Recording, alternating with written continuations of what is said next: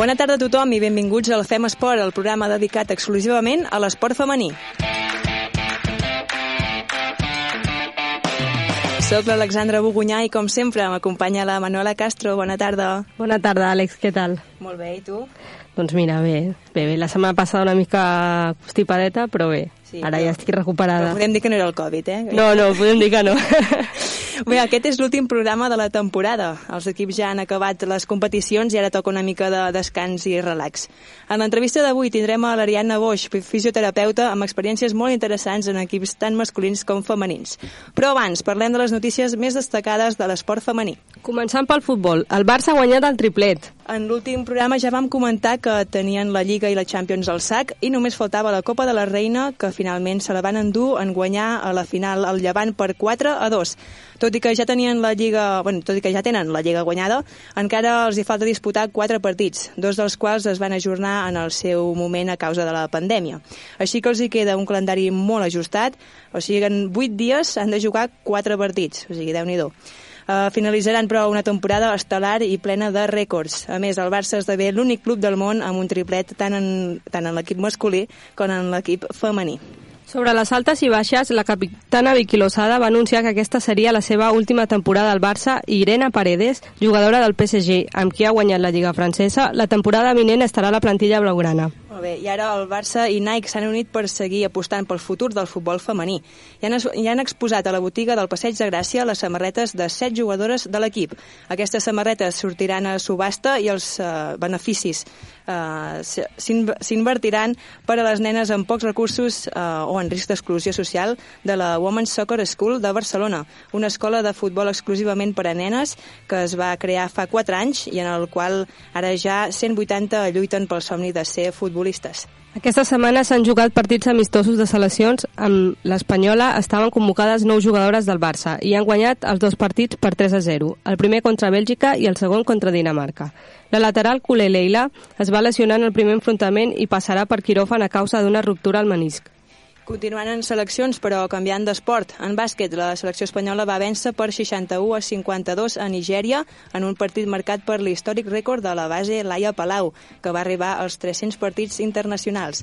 I en atletisme, el Futbol Club Barcelona va aconseguir el seu primer títol de campió d'Espanya de clubs en la categoria femenina, després d'imposar-se el diumenge passat a la final disputada a Alacant amb un total de 140 punts. El conjunt blaugrana, que es va imposar en 13 de les 20 proves disputades, va avantatjar en 11 punts al València, el segon classificat. I en golf, eh, Christian Wolf ja és la primera dona que lidera un torneig del circuit europeu.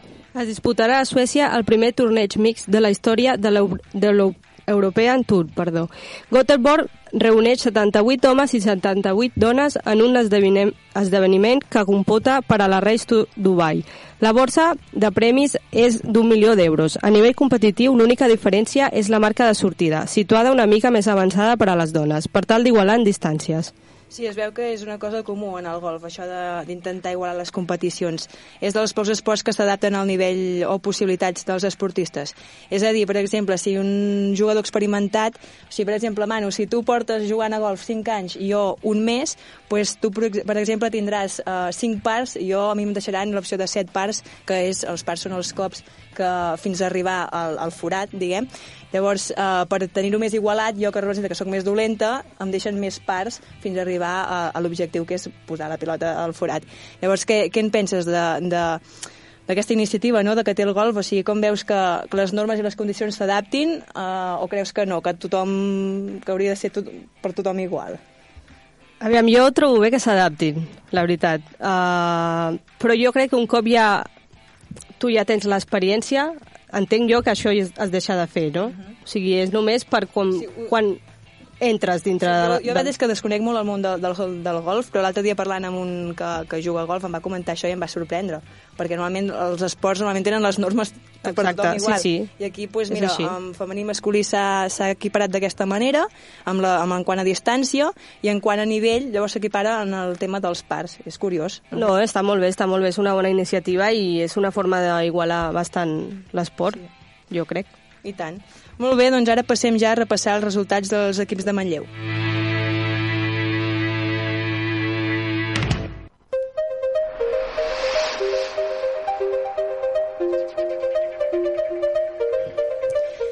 Pel que fa a l'hoquei patins, eh, som campiones de la Copa de la Reina. Així és, el primer rival a quarts de final en aquesta competició va ser el Telecable Gijón, partit que es va endur l'equip manlleuenc per 6 a 4, amb una espectacular actuació de Maria Díez, que va anotar 4 gols.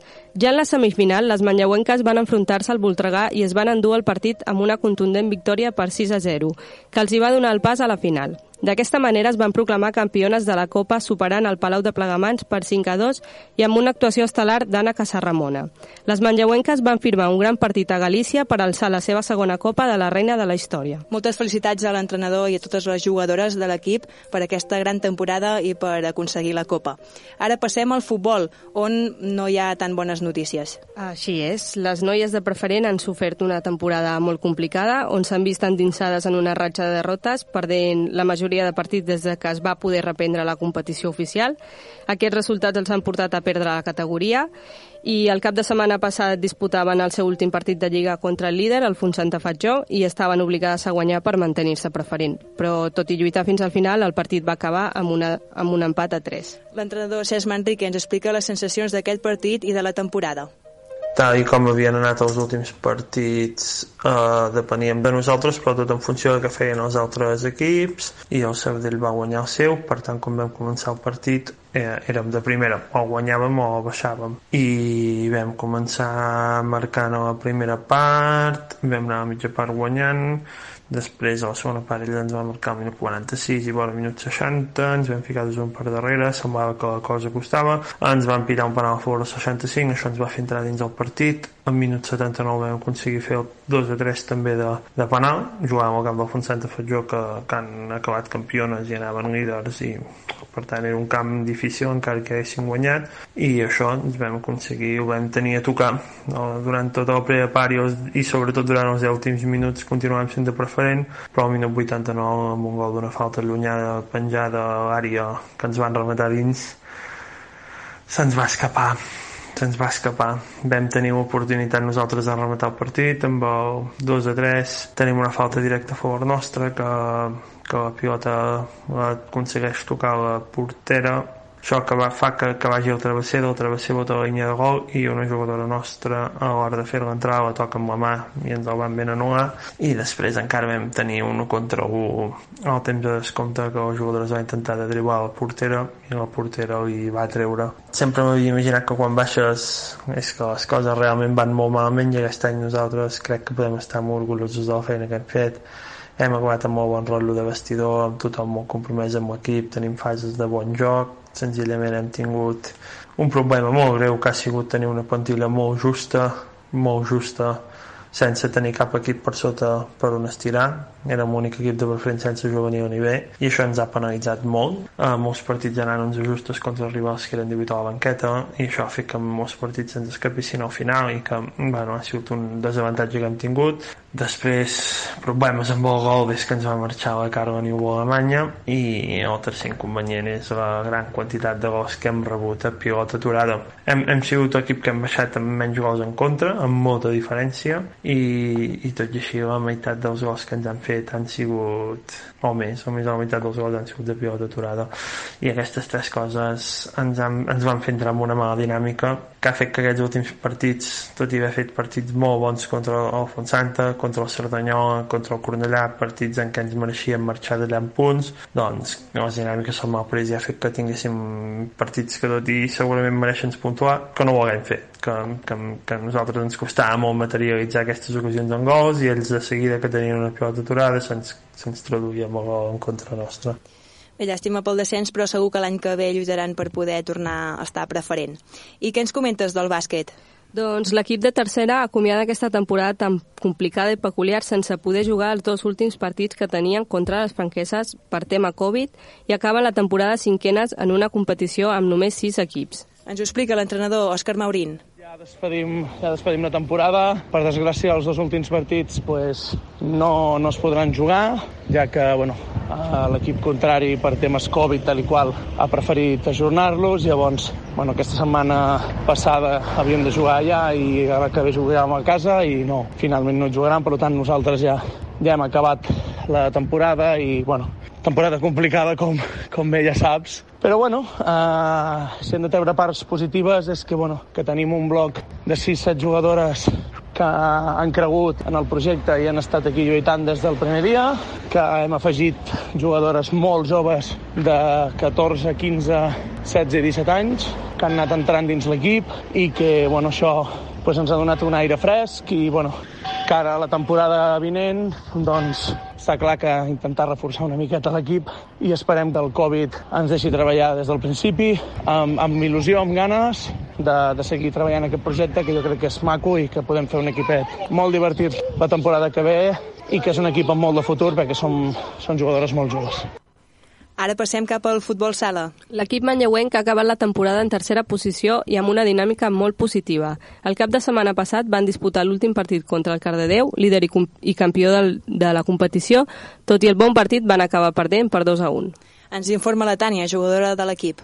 Va ser l'últim partit de Lliga Vam jugar contra el Cardedeu, que és el, van primeres, empatades amb un altre equip, amb el Montmeló. I els hi depenia de, de quedar primeres amb, la, amb aquest partit amb nosaltres. Necessitaven una victòria o un empat per poder pujar. Nosaltres, tant si guanyàvem com si perdíem, quedàvem terceres. Ja teníem la tercera posició assegurada. Per tant, que no ens hi anava tant, podíem jugar més relaxades, però alhora estaven molt, estaven molt motivades per guanyar-lo, perquè eren les primeres i no havíem perdut amb ningú. Dèiem, hem de ser l'únic equip que les guanyi. O sigui que vam sortir supermotivats motivades a anar amb tot, a guanyar-lo, però elles també venien igual, venien en plan d'anar a tope perquè els hi anava la lliga. Vam començar el partit molt bé, la veritat és que el dominàvem nosaltres i amb rems, no sé si va ser 10 minuts poder, vam fer el primer gol. Vam marcar 1-0, vam anar molt bé, però llavors elles suposo que van veure que, que o s'hi posaven o, o perdien i no, no podien tenir una derrota. Llavors ens van marcar elles l'1-1, vam anar molta estona empatades a 1, nosaltres poder va semblar que havien dominat molt al principi i en aquell moment va semblar que ells ens dominaven a nosaltres, però tot i així vam lluitar molt, vam jugar molt bé, com molt més que altres vegades, i al final, amb, un, amb unes mans d'una de, del nostre equip, va ser penal, van pitar penal, i ens van fer el 2 a 1 de, de penal. I ja, bueno, victòria per elles, després ja al cap darrere va pitar final del partit i van guanyar elles. Però bueno, molt bones sensacions d'aquest partit i de tota la Lliga en general, perquè hem rebut molts pocs gols, els partits que els hem perdut els hem perdut d'un o dos gols, hem empatat un partit i la resta els hem guanyat, vull dir que molt contentes, terceres supercontentes, i ara esperar aviam l'any que ve si podem fer una més bona temporada encara que aquesta i poder pujar de categoria. També ens han comentat que el diumenge 4 de juliol organitzen una jornada de 12 hores de futbol, de futsal, perdó, amb 8 equips diferents. Uh, jugarà al pavelló de Manlleu i serà una competició igualada i entretinguda, així que ja us ho podeu apuntar a l'agenda. Passem ara a la secció d'actualitat usorenca. L'actualitat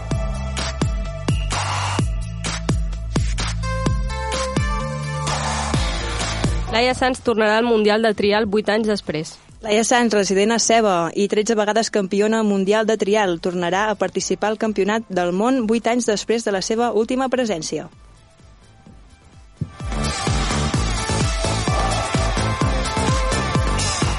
Lluís Ruiz i Teresa Moyano guanyen la cursa pels camins dels matxos. S'ha disputat la 19a edició dels matxos amb un nou format. La cursa del tastet dels matxos s'ha celebrat dissabte i la, del, i, de, i la de pels camins dels matxos diumenge. Tal com remarca el centre excursionista Torelló, el format ha estat un èxit i l'edició serà recordada per les altes temperatures. Tot i això, Lluís Ruiz Uller s'ha proclamat campió de la prova reina de 63 quilòmetres i 6.200 metres de desnivell acumulat que corona els cims de Bellmunt Bellmunt, Puigcalm i Cabrera. Ho ha fet amb un temps de 6 hores i 24 minuts. Pel que fa a la categoria femenina, la terrassenca Teresa Moyano s'ha emportat la victòria després de travessar la meta amb un temps de 9 hores i 33 minuts. Gairebé 20 minuts més tard ha arribat la segona classificada de la prova, la local Eli Vinué. I Anna Pujol s'ha emportat la tercera posició del podi aconseguint un temps de 10 hores i 13 minuts. I ara sí, anem cap a l'entrevista. L'entrevista.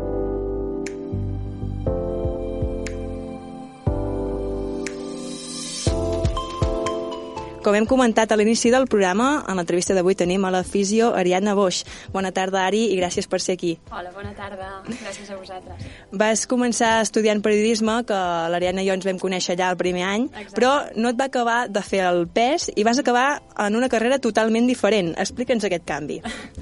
Doncs estava molt a gust fent periodisme, però pensava que les meves sortides laborals serien molt limitades. Llavors, com que sempre m'havia agradat la part de, de l'anatomia i la part de, de, de les ciències, em vaig dirigir cap a la fisioteràpia i em volia especialitzar. Ja des del primer any ho tenia claríssim que volia fer la fisio esportiva.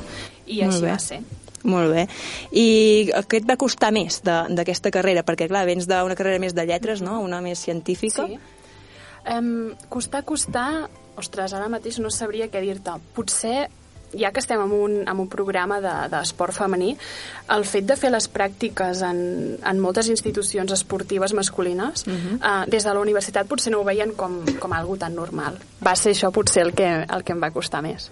D'acord. Però a nivell de- de- d'assignatures i això... El... Home, sempre hi ha les assignatures més pesadetes, tipus fisiologia, anatomia, Mhm. en què s'ha de fer més colze, però en general és una carrera fàcil. Sí. Bueno, bé. insisteixo en aquestes preguntes perquè ara bueno, estem a l'època que potser els joves, ara que han fet ja la selectivitat i estan triant carrera, bueno, doncs mira, si no t'acaba d'agradar la que fas, sempre tens l'opció de canviar, Exacte. com ha fet l'Ari, que un canvi Exacte. radical i està ben feliç. Exacte, sí.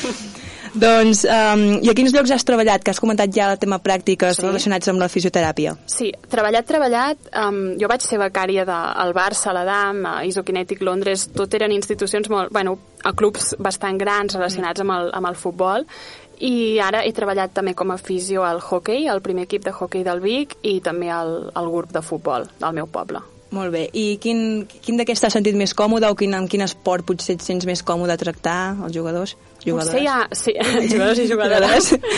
Uh, segurament em, em sento més còmode amb el, amb el futbol. Mm -hmm. Potser ja per l'experiència que, que he anat tinguent, de ser ben bé quines lesions hi han, les pràctiques la majoria han set en futbol, mm -hmm. llavors sí, el GURB ha set el meu equip, sens Molt. dubte. Molt bé. Uh, I què t'agradaria en fer en un futur? O sigui, on et veus treballant? Ah, bona pregunta. Ostres, no sé ben bé què respondre't. Perquè, clar, he canviat moltíssim, sí. he compaginat diverses coses. No vull deixar de ser fisio en l'àmbit esportiu i, i sobretot m'agradaria entrar més en l'esport femení. Costa molt ser fisio en l'esport femení, no hi, ha, no, hi, no, hi don, no hi deixen tants recursos Clar. i, bueno, és, sí, és un objectiu. Ojalà que pugui. D'acord. Com que tens experiència per haver tractat tant amb nois com amb noies sí. uh, dins del món esportiu, sobretot com has comentat, sobretot el món del futbol, uh, m'agradaria parlar de les diferències i similituds també entre ells, tant fisiològiques com, com socials, uh -huh. perquè hi ha diferències, ja has viscut uh -huh. experiències en els dos tipus, i um, primer parlem més de les fisiològiques. Es diu que la dona té més tendència a lesionar-se. Uh -huh. És cert això? I per què? Doncs això sí, és totalment cert. De fet, ja és, és evident, científicament, ja en tots els estudis ho recolzen. La, la incidència lesiva en dones és entre dues i vuit vegades més gran que en homes. Llavors, això és, eh, són dades que espanten, compte, però que sí, són, sí. són reals. Uh -huh. Em, per quin motiu? Doncs l'evolució de, de l'home com a animals que som segurament eh, està aquí l'origen. L'home estava més, més bueno, especialitzat en caçar i en portar l'alimentació amb coses més físiques i la dona estava més a la cova. Em, les dones ja de per si hormonals, són més laxes, s'activen grups musculars que, que no són els protectors, llavors tot això és un còctel que, que és, és explosiu. Clar. I, I què es podria fer per evitar-ho? Tu quins consells podries donar a les dones que ens estiguin escoltant, que són esportistes, uh, consells com estiraments o l'alimentació, o per poder potser pues, evitar sí. aquest més risc de lesió? Jo crec que s'hauria de, col·laborar, de col·laborar en tots en, en diferents nivells, ja des dels entrenadors sobretot. Tu com a, com a esportista sí que pots vigilar amb l'alimentació, però tot això és molt són coses que totes sabem, alimenta't bé, fes estiraments. Um, les dones, com en, molts, en moltes altres coses de la vida, crec que han de fer un plus per aconseguir estar al mateix nivell que, que els homes. Però eh, insisteixo, crec que des d'entrenadors, preparadors físics i de les mateixes institucions s'hauria de... Tu com a esportista no pots tenir aquests recursos per tu sola, t'han d'ajudar. I Sí, crec que és aquí. I creus que, uh, diguem que um, els entrenadors s'han d'adaptar a, una- a l'entrenament, han d'adaptar l'entrenament a un... Exacte. Depenent si és un equip masculí que un equip I femení. tant, i tant. La, És totalment diferent. Vull dir, s'ha de fer una miqueta més. S'ha S'ha de ser més específic. Inclús hi ha, hi ha estudis que, que diuen també que el tema de la regla influeix molt, no? Moltíssim. Hi ha noies, sobretot en l'èlit, que, que, que, bueno, que han de, de seguir un tractament i ho han de, de deixar les pastilles o, o no, depenent de, de la temporada, del, del punt de la temporada on es trobin. Vull dir, això, de vegades es responsabilitza molt a l'esportista a nivell individual i, i el que passa és que no hi ha prou recursos i prou recolzament de, de, de- d'un nivell superior, sí, saps? Sí, sí, totalment. I quines lesions solen ser més freqüents en dones? Perquè En diguis, dones. ostres, sobretot en dones més que en homes, per exemple. Clar, també depèn de l'esport. Si ens Clar. centrem en el futbol o esports més col·lectius, la majoria es centren en el genoll, menisc... De fet, abans n'heu parlat en el programa d'avui mm. mateix. Sí. Però ara us volia fer una pregunta jo. Sí, tant. Aquest programa el feu un cop al mes, oi que sí? Correcte, sí. Hi ha alguna vegada en què prescindiu de dir que hi ha hagut alguna lesió greu en noies o és bastant habitual? Mm, bueno, no és habitual tampoc, No? però és que clar, informem sobretot a la part Clar. inicial, com has escoltat, Clar, més clar. de temes generals, llavors si hi ha alguna lesió de, de, de pues, alguna del Barça o un moment que sí, parlem, exacte. ho, ho diem. Una Però- lesió important d'una jugadora es diu. important d'un equip sí que... I, I si no, també, si és una lesió important d'un, de, dels equips de Manlleu que tractem, com, hem, com has També. escoltat, el hockey, futbol, futbol sala i bàsquet, Llavors- també, també ho comentem. Però tampoc és tan habitual, no? No. No. Per bueno, sort. Segurament, per sort, ara us ho anava a dir que bé. Sí. Bona notícia. Però sí, sí, inclús amb nenes hi ha, hi ha incidència, és, és molt gran. si, si féssim un llistat Amb- és que no acabaríem. O sigui, amb, nena, eh, o sigui, amb nenes més que amb dones, Sí. podríem dir? Me, no, no et O- sé dir si més o igual o, o quina és la incidència, potser tampoc hi ha prou estudis, però per Ja. exemple, quan estava al Barça de becària, Sí. jo havia arribat a veure nenes de 13 anys de hockey, per exemple, amb lesions de creuat. Nenes de 13 anys. Déu-n'hi-do, eh? Sí, molt petites. Sí, sí, sí. Sí, sí. És... Uau. I per la recuperació què? Els hi costa també? La recuperació, clar, el que costa també és combinar-ho amb l'escola i, i, que, i que tot quadri una mica, Clar. perquè això és un altre tema. Sí, sí, i tant. Doncs, a part de les diferències físiques, eh, malauradament n'hi ha moltes eh, pel que fa al tema de tracte amb un equip masculí i un de femení. I tant. Nosaltres, la Manu i jo, que hem jugat eh, molts anys a futbol, ho coneixem, bueno, ho hem viscut també de, de, de primera mà, eh, que passen sempre els equips masculins per davant, però mm, no només els clubs petits, els clubs grans, com tu has estat Ari també, i eh, avui en dia és cert que s'estan fent molts progressos per, per equilibrar-ho, però encara falta canviar molt la mentalitat. Totalment real. I per això voldria parlar de la teva experiència en aquests casos, perquè sempre es parla del tema de la desigualtat, però falta plasmar-ho en exemples. Això és veritat. Llavors, uh, sí. Vaig dient així. Sí, anem, tu vés comentant, Vale. nosaltres anem debatint. El que em recordi. Sí, exacte. Per exemple, em, al Barça, les noies que estan jugant a l'equip de volei, jo entenc que és un equip no professional, però s'ho han de pagar tot elles. Llavors, em, dona que pensar perquè l'equip de hockey sobre gel o l'equip... Per exemple, el de hockey sobre gel tampoc és professional. I en canvi, ells ho tenen tot pagat. Com és que si ens basem en el fet de que elles no aporten diners al club, l'altre equip tampoc, no aporta. clar. Com és que Són passa equips això, amateurs, no? ja, clar, perquè l'única explicació és que un és masculí i l'altre és femení. Exacte. Exacte. Correcte. O, per exemple, el, el juvenil del, del futbol sala del Barça tenen readaptador. En Mhm. canvi, um, un altre equip de, del Barça també, que tampoc és professional, eh, no en té femení. Un equip femení no tenen readaptadors cap. Es fa tota la ciutat esportiva. A la ciutat esportiva nosaltres com a fisios arribàvem a un punt. Clar. I en canvi amb, amb les noies havíem de fer també de readaptadors quan tampoc és lo nostre. Mhm. I amb els nois no, amb els nois ja els podíem derivar perquè tenien l'especialista.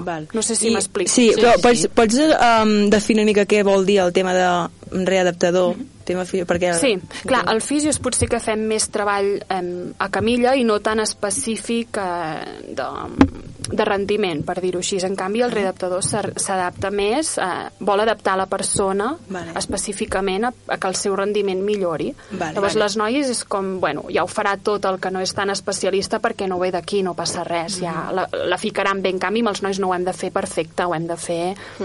Inclús eh, sent, sent més petits, potser, no? Com vas comentar, més, més petits els, els nois que, que les dones i, I tant, i i tenen més privilegis. I tant, per i tant. És que no és tema d'edats, tampoc, perquè els alevins cobren i, i, Sí. i el futbol femení B no cobra res. És que això, això és un altre Molt tema, o sigui, fort, el, el futbol femení bé, o sigui que Bruna Vilamala, per dir alguna cosa, que, Sí, sí. que està jugant sempre Sí. al primer equip ja i tal, però els que encara tenen fitxa molt bé no cobren. És molt fort, i un aleví que és un nen que no un- té noció de un nen-. Exacte. Un, un aleví que, que tenen uns anys o aproximadament. El tema taxis. Un dia que vam tenir una conversa amb tu, Alexandra, el Sí. taxi, les noies no tenen taxi al Barça, i els nois en tenen tots. Sí, sí, una sí. noia d'aquí a Osona m'ho comentava, diu, és que tinc un veí que també hi juga, diu, i no podem pujar junts perquè sóc noia, i ha de venir el meu pare, saps? És que sí, que és sí, molt sí. fort, és molt fort. Sí, sí, sí. sí jo, bueno, sí, també recordo que, que això, el, amb, avui en dia no ho sé, però a la meva època, quan jo tenia aquella edat, eh, amb l'Espanyol, inclús per jugar a l'Espanyol havies de pagar. O sigui, el, fins a cadet juvenil, que ara s'han separat, però abans eh, les competicions eh, s'ajuntaven, sí. um, doncs el cadet juvenil, fins a cadet juvenil havies de pagar. Uh -huh i llavors ja, uh, després, ja quan eres sènior, ja no pagaves, però tampoc cobraves. Clar, això però no clar, és que com, ser. com pots Clar, pagar per no. jugar a l'Espanyol? Tu, tu no, no, no et pots combinar la teva feina més ser una professional de- d'elit. Clar. O sigui, si, si tu vols que el- l'esportista sigui uh, professional, sigui d'elit, uh, tu li has d'oferir els recursos. Exacte. Li que has d'oferir els recursos. Llavors és com que li demanen molt a la dona, però no els hi donen res. Exacte. Llavors és com, bueno, aquest també- punt està Estic totalment d'acord amb molt desequilibrat. Molt desequilibrat. Vull dir, un jugador, ara ho parlem per exemple amb una lesió, un jugador eh, professional pot permetre's estar un mes a casa seva fent una recuperació. Però una dona, no sé si es pot perme- permetre Exacte. estar un mes sense treballar És fent la recuperació. més. Totes un les obstacle. dones volen estudiar per, per si de cas Exacte. no es poden guanyar la vida. Mira, parlant homes no. parlant d'això, crec que era l'Andrea Pereira, crec que era, no me'n recordo, però uh, en una entrevista va comentar això, diu, és que a mi m'espanta molt, ara ja perquè segurament potser marxarà del Barça aquest any o bueno, no, d'aquí poc almenys Sí. i diu és que no clar, o sigui, no sé, no sé què faré Eh, entenc que això també és una cosa de tots els esportistes eh? no només de, de dones però és que les dones això, o estudies o eh, clar, és que què, què fas no? Sí, sí. igualment um, llavors em vas comentar també uh, que, que em va sorprendre dues, dues cosetes. Una és que um, si s'estan esperant allò per entrar al fisio, Sí. una, un home, un noi i una noia, i la noia fa més que s'espera, sí. igualment passa el noi per davant. Això em va fer gràcia. Sí, sí. sí. No vull generalitzar, No, no. però jo, totes les vegades que ho vaig veure, moltes vegades, moltíssimes, era això, hi havia una sala d'espera i després entraves ja a la part de rehabilitació de la ciutat esportiva. Si hi havia, si hi havia un noi de, del juvenil i una noia del juvenil, encara que fes més que s'esperava, sempre passava el noi. Sí, sí. Vull dir, de vegades inclús hi havia preferències de dir aquest fisio que és el més veterà que agafi els nois i la resta, doncs, les noies ja s'anirà fent. És que és, és que és real. És, és, i estem parlant d'un Barça que en principi sí. fa les coses bé, és un club dels més gran, més gran del món. Exacte. I-. Segueixen havent-hi diferències. Sí, sí, sí. Vull dir, ah, vull dir, ara potser estem donant un missatge super negatiu, no? Jo crec que les coses s'estan fent cada vegada millor, I tant. però encara s'hi han de fer més, suposo. Exacte. No, no, si, si per exemple, ahir o abans d'ahir el Barça va, va anunciar la nova samarreta i ho han fet tot equiparant homes i dones, vull dir, han, han sortit el mateix nombre de, de, de jugadores del femení que del masculí, per dir alguna cosa. Vull dir, i, cada, i a més a més ara que han guanyat el, el triplet i tot plegat, eh, volen donar aquesta importància també d'igual, no?, masculí i femení. Vull dir que anem bé, anem No, bé. sí, sí, s'estan fent molt bones iniciatives i, i s'es- s'està intentant, però jo crec que la qüestió també està molt en, en els petits detalls. I crec que això encara Totalment. queda molt per canviar, o sigui, s'ha de com començar des de baix Sí, Sí. per anar creixent, no? per dir d'una manera, i llavors, Sí, sí. mm, no sé, el detall aquest mateix de, de tenir que passar el, el noi abans de la noia, pues, aquestes coses s'han d'anar canviant a poc a poc i després pues, ja podem parlar de coses més grans o d'una igualtat més, més completa, però clar, si, si només en aquests petits detalls ja hi ha desigualtat, Sí. total, mm, totalment. Doncs, uh, és que aquesta conversa és superinteressant, però se'ns està acabant el temps, llavors vull acabar de parlar d'una cosa que em vas comentar també que, que, bueno, que és impactant, i és que em vas dir que per, per a les noies uh, la nutricionista o la dietista és, és, és com el diable, no? Uh, perquè m'aixequen més en aquest sentit uh, físic a les dones que als homes també. Comenta'm això i, i acabarem amb això. Sí, perfecte. Molt interessant. Dit en paraules d'una jugadora del, del, del Barça B, el que tu has dit, la, la dietista és el diable. Llavors jo, jo el que sí que em, fix, el, el que em fixava és que venien totes en fil amb, amb la dietista al davant i les anava pesant. I aquesta noia m'havia comentat així, en una conversa de col·legues, em diu, clar, és que hi ha noies que fins i tot fan trampes, entre cometes, perquè si han sortit dos dies abans allò que et deshidrates, que perds pes, que començaven a beure aigua, bueno, tota cosa que dius, ostres, encara som més obstacles afegits, perquè ja, eh, vull dir, la Estan societat... al doble la de controlades. Clar, la societat en què estem, les noies sempre hi ha més, més trastorns de l'alimentació, el que sigui, més controlades. Jo desconec el control dietètic que fan els, els masculins perquè jo no ho vaig veure, però el que sí que vaig veure és això, és que que, bueno, que és una altra cosa que també els hi fa passar malament. Clar. I aviam, les noies, la regla, tot això pot ser que durant la regla I ens tant, aprimem un o clar, dos quilos. i tant. Oh, Com? sí, sí. No és normal que una jugadora et digués que és que ens fa molta por, és que hauries de saber les, barbari... les coses que fan, amb... Clar, Déu-n'hi-do. que si les cuixes, vull dir, tenen més complexes. I és, és que és, és un fet. A mi m'ho deien. És que, sí, sí. Sí, sí. A més, la, fem, és que ho fem fatal, tio. És que... Bueno, és que a la dona se li exigeix Massa, sí. Massa Sí, sí. per fer el mateix que està fent una altra persona d'un altre gènere. totalment. Vull dir, llavors és com, pues, sí, sí, sí. I Totalment. són nenes, a més a més. Totalment, Sí, exacte. totalment. 18 anys. Per això Totalment. falta, falta molt per canviar i, bueno, moltes gràcies, Ari, per haver-nos explicat. Ara faig la teva pregunta que faig a tothom, Vale. però que és el tema de quina és la teva cançó preferida Sí. i per què. I, bueno, comenta-m'ho i després eh, La acabem. meva cançó preferida, Sí, sens dubte, és Viva la vida de Coldplay. I no és Bueno. perquè ara estiguem en un context esportiu, eh? Vull dir, t'ho hauria dit igualment amb un- I una... aquesta és la cançó de, de Pep Guardiola, sí. mític, Mític. al Barça, eh? I per què? Per què m'agrada aquesta? Doncs, no sé, em porta bons records del moment en què la vaig descobrir. Vale. Era petita i llavors, bueno, és així personal. Sí, bé. Però ja et dic, no us ho dic pas perquè sigui un con- No, context no. d'esport. Eh? no, doncs mira, aquest eh, és l'últim programa de la temporada, així que l'acabem escoltant aquesta meravellosa Molt bé. cançó. I res, Ari, moltes gràcies per, per haver vingut. Uh, és molt interessant aquest, aquests, aquestes tertúlies, aquestes entrevistes. Esperem que potser la temporada que ve pues, puguis tornar a venir més experiència. Jo encantada I aquí estarem. Gràcies moltes a les gràcies. dues. Merci, bona tarda.